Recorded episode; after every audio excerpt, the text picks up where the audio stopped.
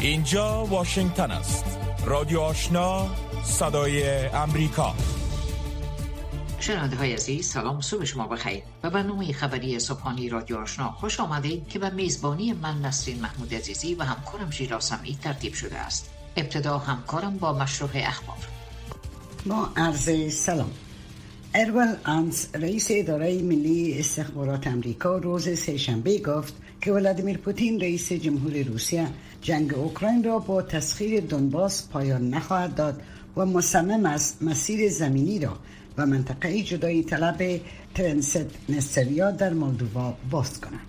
خانم هاینز گفت ما ارزیابی می کنیم که رئیس جمهور پوتین برای درگیری دراز مدت در اوکراین آماده می شود که تایوان همچنان قصد دارد و اهداف فراتر از دنباس دست یابد.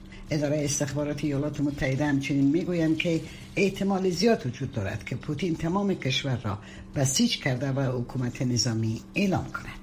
خانم هایس به کمیته خدمات قوای مسلح سنای ایالات متحده گفت که نیروهای روسیه قصد دارند قلمروهایی را در سرتاسر سر سوایل دریای سیاه اشغال کنند که یکی از اهداف آنها تأمین منابع آبی برای جزیره کریمی است که در سال 2014 به روسیه ملحق شد.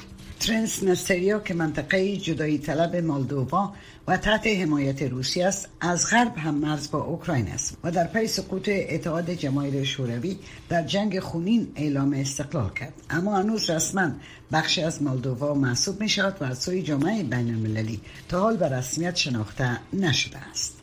با این حال خانم هاینز گفت که نیروهای فعلی روسیه به حد کافی بزرگ یا قوی نیستند که بتوانند تمام آن سرزمین ها را بدون بسیج گستردهتر نیروها و منابع بیشتر از جامعه روسیه تصرف کند در خبر دیگر وزارت خارجه روسیه گفت که در نشست ویژه‌ای شورای حقوق بشر ملل متحد پیرامون اوکراین اشتراک نخواهند کرد.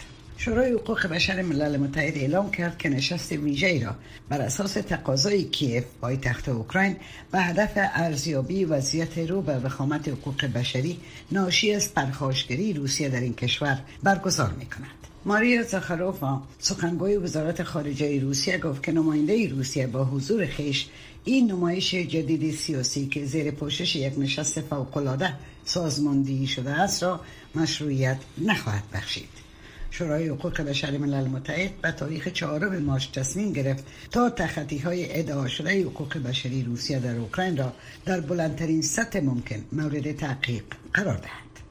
و دنبال گزارش ها در مورد کشته شدن غیر نظامیان در اوکراین مقامات این کشور کشته شدن غیر نظامیان را نسل کشی خواندن و از محکمه بین المللی جرایم یا محکمه هاگ خواستند تا در مورد تحقیقات کند. اما کرملن می‌گوید که در این کشتارها نقشه نداشته است. و آن را سنسازی و جعلی می‌خواند. آنتونی گوترش منشی مومی ملل متحد از روسیه خواسته است تا با تحقیقات محکمه بین المللی جرایم همکاری کند. کمیته پارلمانی که وظیفه سازماندهی ریگیری های طولانی مدت در سومالیا را بر عهده دارد روز سهشنبه اعلام کرد که این کشور 39 نامزد را برای انتخابات ریاست جمهوری در 15 می ثبت کرده است که شماره بی سابقه است. این انتخابات بیش از یک سال است که به تعویق افتاده است و با خشونت مرگبار و جنگ قدرت بین رئیس جمهور محمد عبدالحی محمد و محمد حسین روبل صدراعظم سومالیا خدشدار شده است. قانونگذاران و سناتورهایی که رئیس دولت بعدی را انتخاب خواهند کرد در مجتمع میدان هوایی مگدیشو که به شدت محافظت می شود نگهداری می شوند نامزدها شامل دو رئیس جمهور قبلی یعنی حسن شیخ محمد که از 2012 تا 2017 رئیس جمهور بود. و شریف شیخ احمد که از 2009 تا 2012 رئیس جمهور بود و همچنین سرازن سابق. حسن علی خیر که از 2017 تا 2020 مقام صدارت را داشت می باشد این انتخابات سرانجام به بحران طولانی سیاسی پیرامون رایگیری که چندین بار به تعویق افتاده بود پایان خواهد داد. ادامه اخبار از رادیو آشنا صدای امریکا. مقامات سریلانکا روز سهشنبه دستور فرد در محل را برای سرکوب نارامی هایی که ساختمان ها و وسایل نقلیه را یک روز پس از آن که این جزیره با خشونت ها و شورش های مرگبار مواجه شد صادر کردند. در حالی که هزاران نیروی امنیتی مقررات منع رفت آمد را اجرا می کنند وزارت دفاع سریلانکا گفت که به سربازان دستور داده شده است که بر کسی که اموال عمومی را غارت می کند یا به زندگی آسیب می رساند در ملایام شلیک کنند. روز دوشنبه حامیان دولت با چوب و دنده و مظاهره کنندگانی در کلمبو حمله کردند که هفته ها به صورت مسالمت آمیز و دلیل بحران وخیم اقتصادی مظاهره کردند و خواستار استعفای رئیس جمهور گوتابایا راجا پاکسا بودند. پس از آن اوباش تا آخر شب در سراسر کشور ده ها خانه از سیاستمداران حزب حاکم را به آتش کشیدند و سعی کردند و اقامتگاه رسمی صدر در پایتخت یورش ببرند. پلیس روز سه شنبه اعلام کرد که هشت نفر جان خود را در این خشونت ها از دست دادند. و در حالی که مطالعات در مورد نقش بالقوای آدنو ویروس و ویروس کووید 19 در حال افزایش است سازمان جهانی صحت یا WHO روز سهشنبه گفت که 348 مورد احتمالی هپاتیت با منشأ ناشناخته شناسایی شده است. سازمان جهانی صحت گفت که فرضیه های اصلی همچنان در مورد آدنو ویروس است مورد در 20 کشور گزارش شده است با 70 مورد اضافی از 13 کشور دیگر که در انتظار طبقه بندی به عنوان آزمایش در انتظار تکمیل می باشد.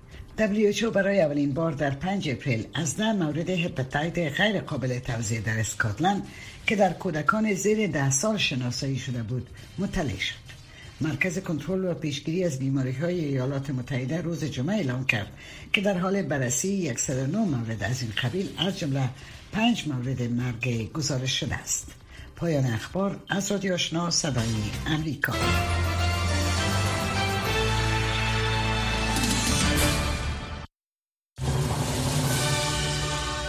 رادیو آشنا صدای امریکا منبع موثق خبرها و گزارش های جهان و افغانستان. شنوندگان گرامی مشروع اخبار را از رادیو آشنا شنیدین؟ آن هم توجه نمایید به گزارش های صبح امروز.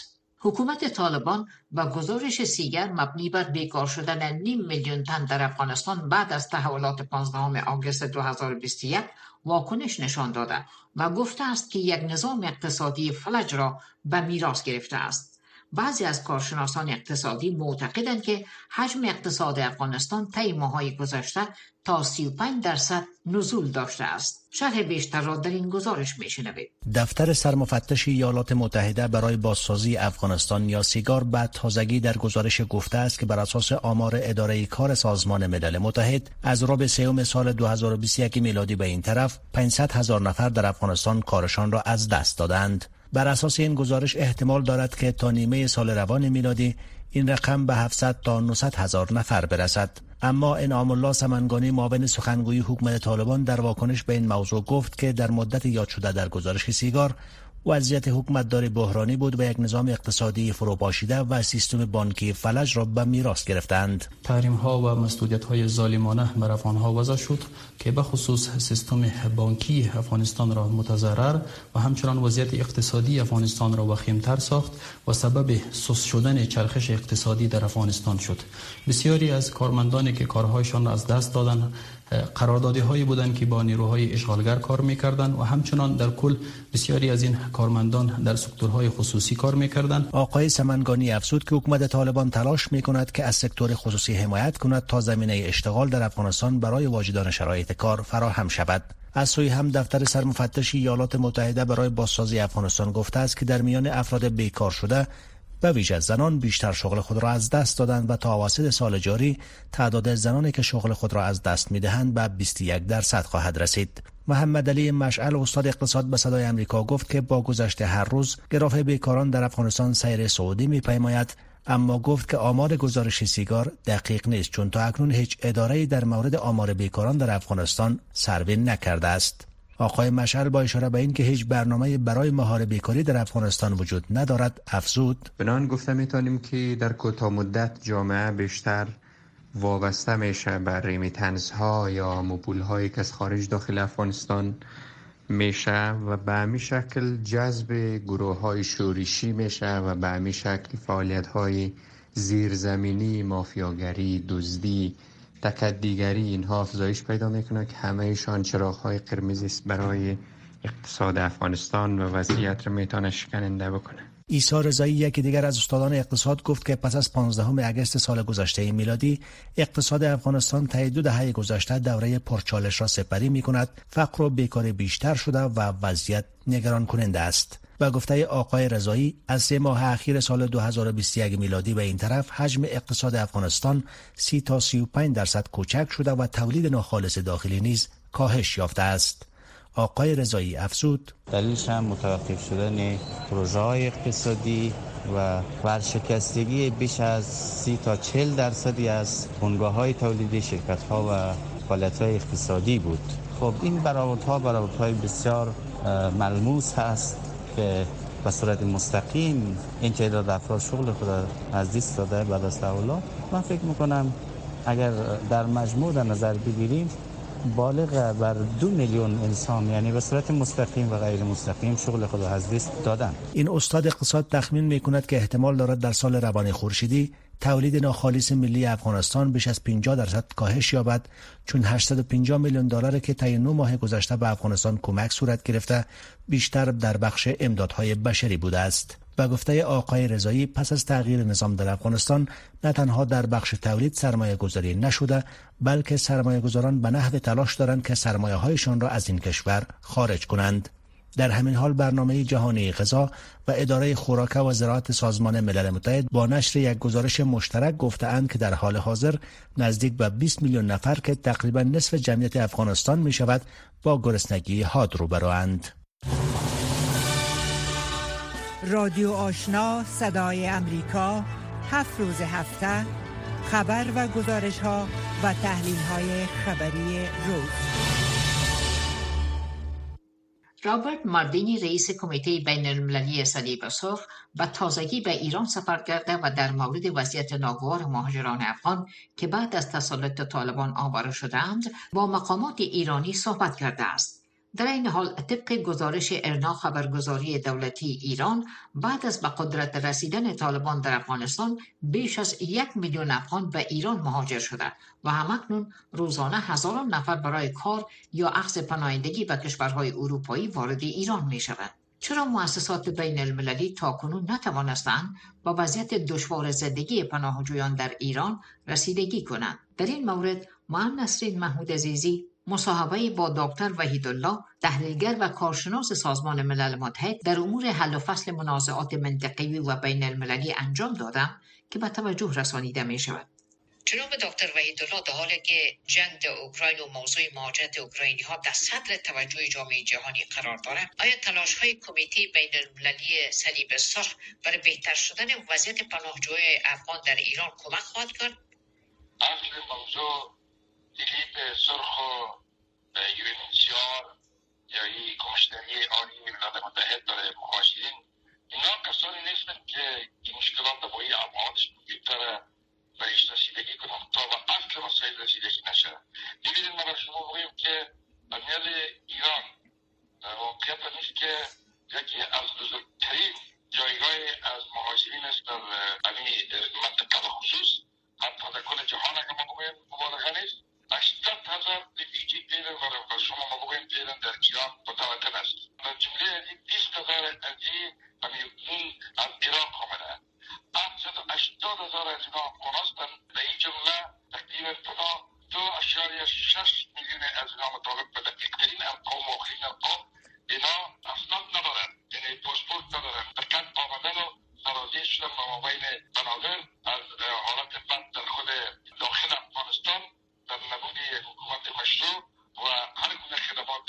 اجتماعی که توسط یک حکومت برحال با مشروع صورت یکی از مسئولیت های کمیشنری عالی ملل متحد در امور پناهنده ها رسیدگی به پناهجویان در حالات دشوار است. چرا اینها تا بالا نتانسته که با وضعیت دشوار زندگی پناهجوی افغان در ایران رسیدگی کنم وقتی که دو میلیون تنها سند نداره 600 هزار اینا کلشان سند دارن به این حالات نه سفید سرخ نه یونیتیا اینا اصلا نمی‌تونن که برزنا کمک کنن. لیش قانون ایست که یا در پارستان و حکومت درست یا گوشه و تمام مظاهر و شرایط داشتن یک حکومت مشروع در کشور ظهور کنه. و در غیر زیرا اصلا حق ندارن که امینا در پوش انتبایدی که اجازه دادن از اینا صحبت کنن. یکی خوبم میگیم که بدون سند در حالات جنگ در حالات نارامی در حالات تنظیم و تخریب آمده باشه اکثریت از این مردم ها اینطوری و علتش ایست که دشوار است در کل جهان دکتر در نظر داشته برخوردهای اخیر مقامات ایرانی و شماری از مردم او کشور در برابر ماجین افغان روابط بین دو کشور چطور به پیش خواهد رفت و این مسئله چقدر روی مهاجرت افغان ها به ایران اثرگذار است؟ ایران هم از جمله کشورهایی که رژیم نامشروع طالبان را رسمیت نشناخته و یک روابط بسیار نیمبند سیاسی به خاطر مقاصد سیاسی و اقتصادی بین دو طرف می‌تونه یک گروپ نشسته می‌تونه یک حکومت نشسته این روابط که به این مسائل و مسائل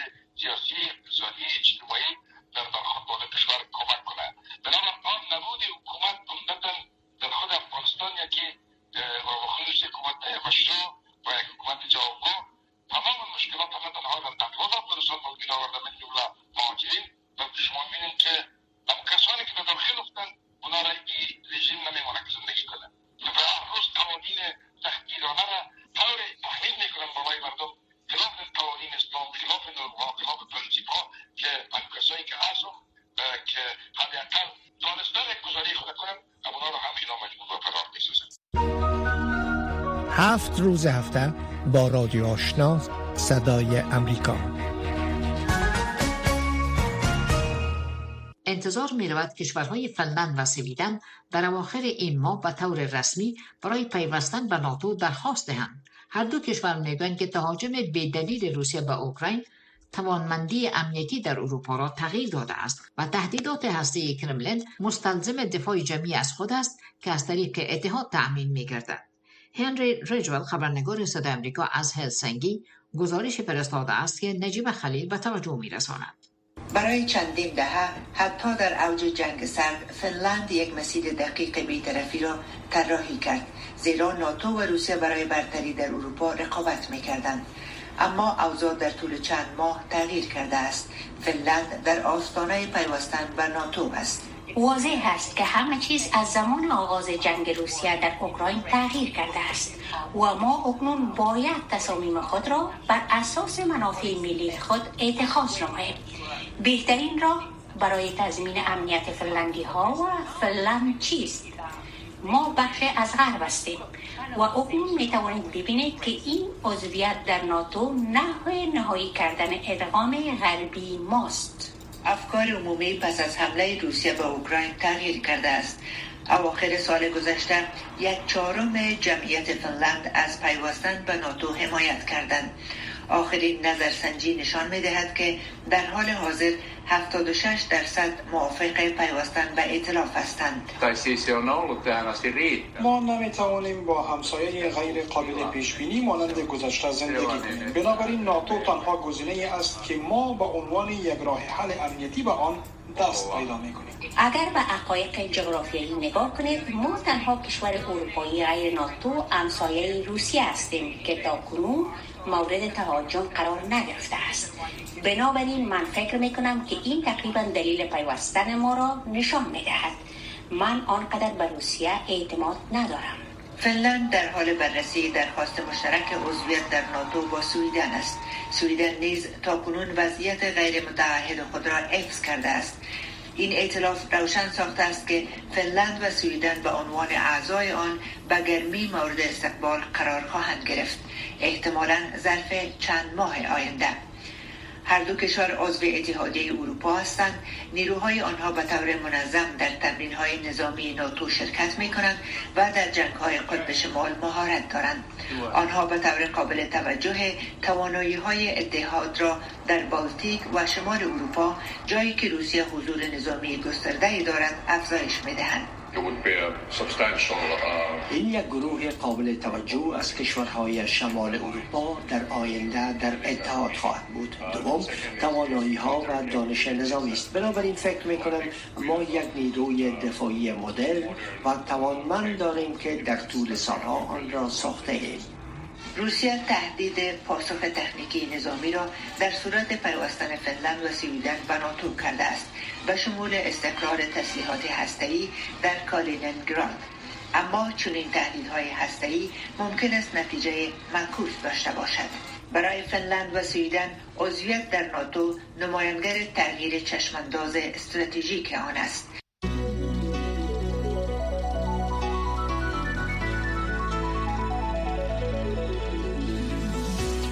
صدای امریکا در فیسبوک.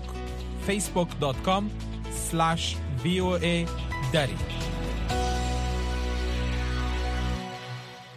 گزارش بعدی این ساعت. جو بایدن رئیس جمهوری ایالات متحده بعد از ظهر دوشنبه لایحه ای را امضا کرد که روند ارسال کمک های نظامی به اوکراین را تسلیم می بخشد زیرا این کشور پس اومین ماه مبارزه با تهاجم روسیه ادامه می‌دهد.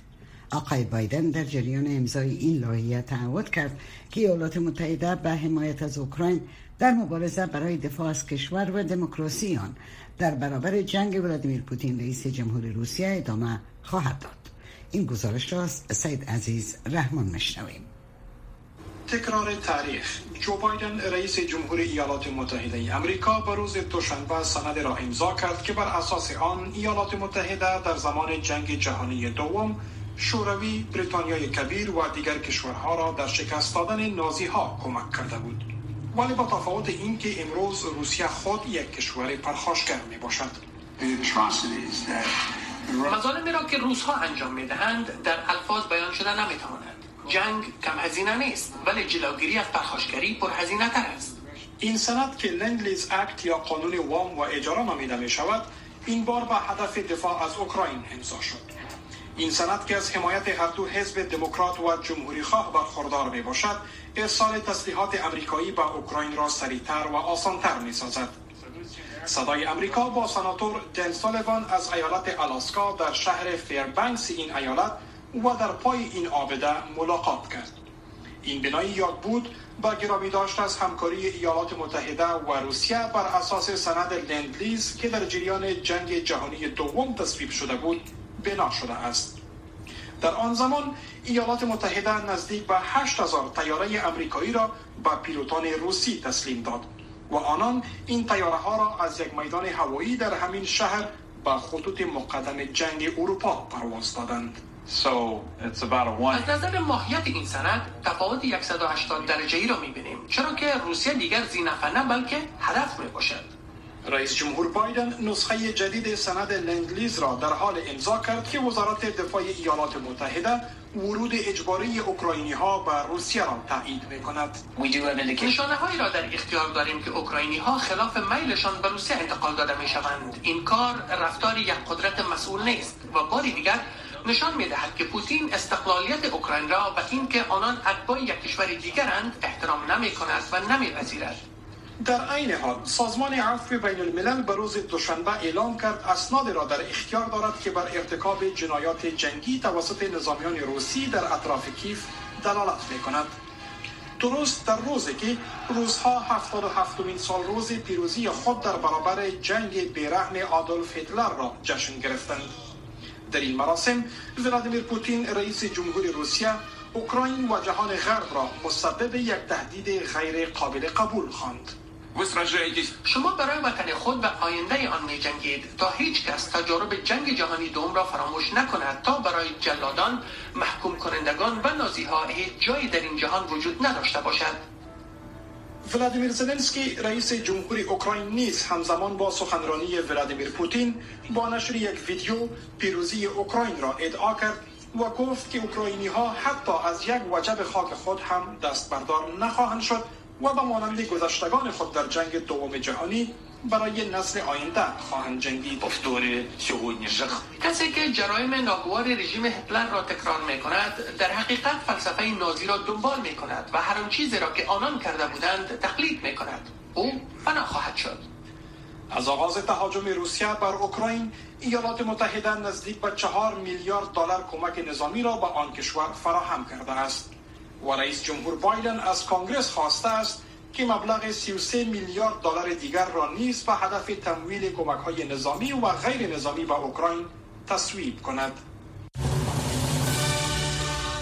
رادیو آشنا صدای امریکا. پنج تا هفت صبح و هفت شام تا ده شب.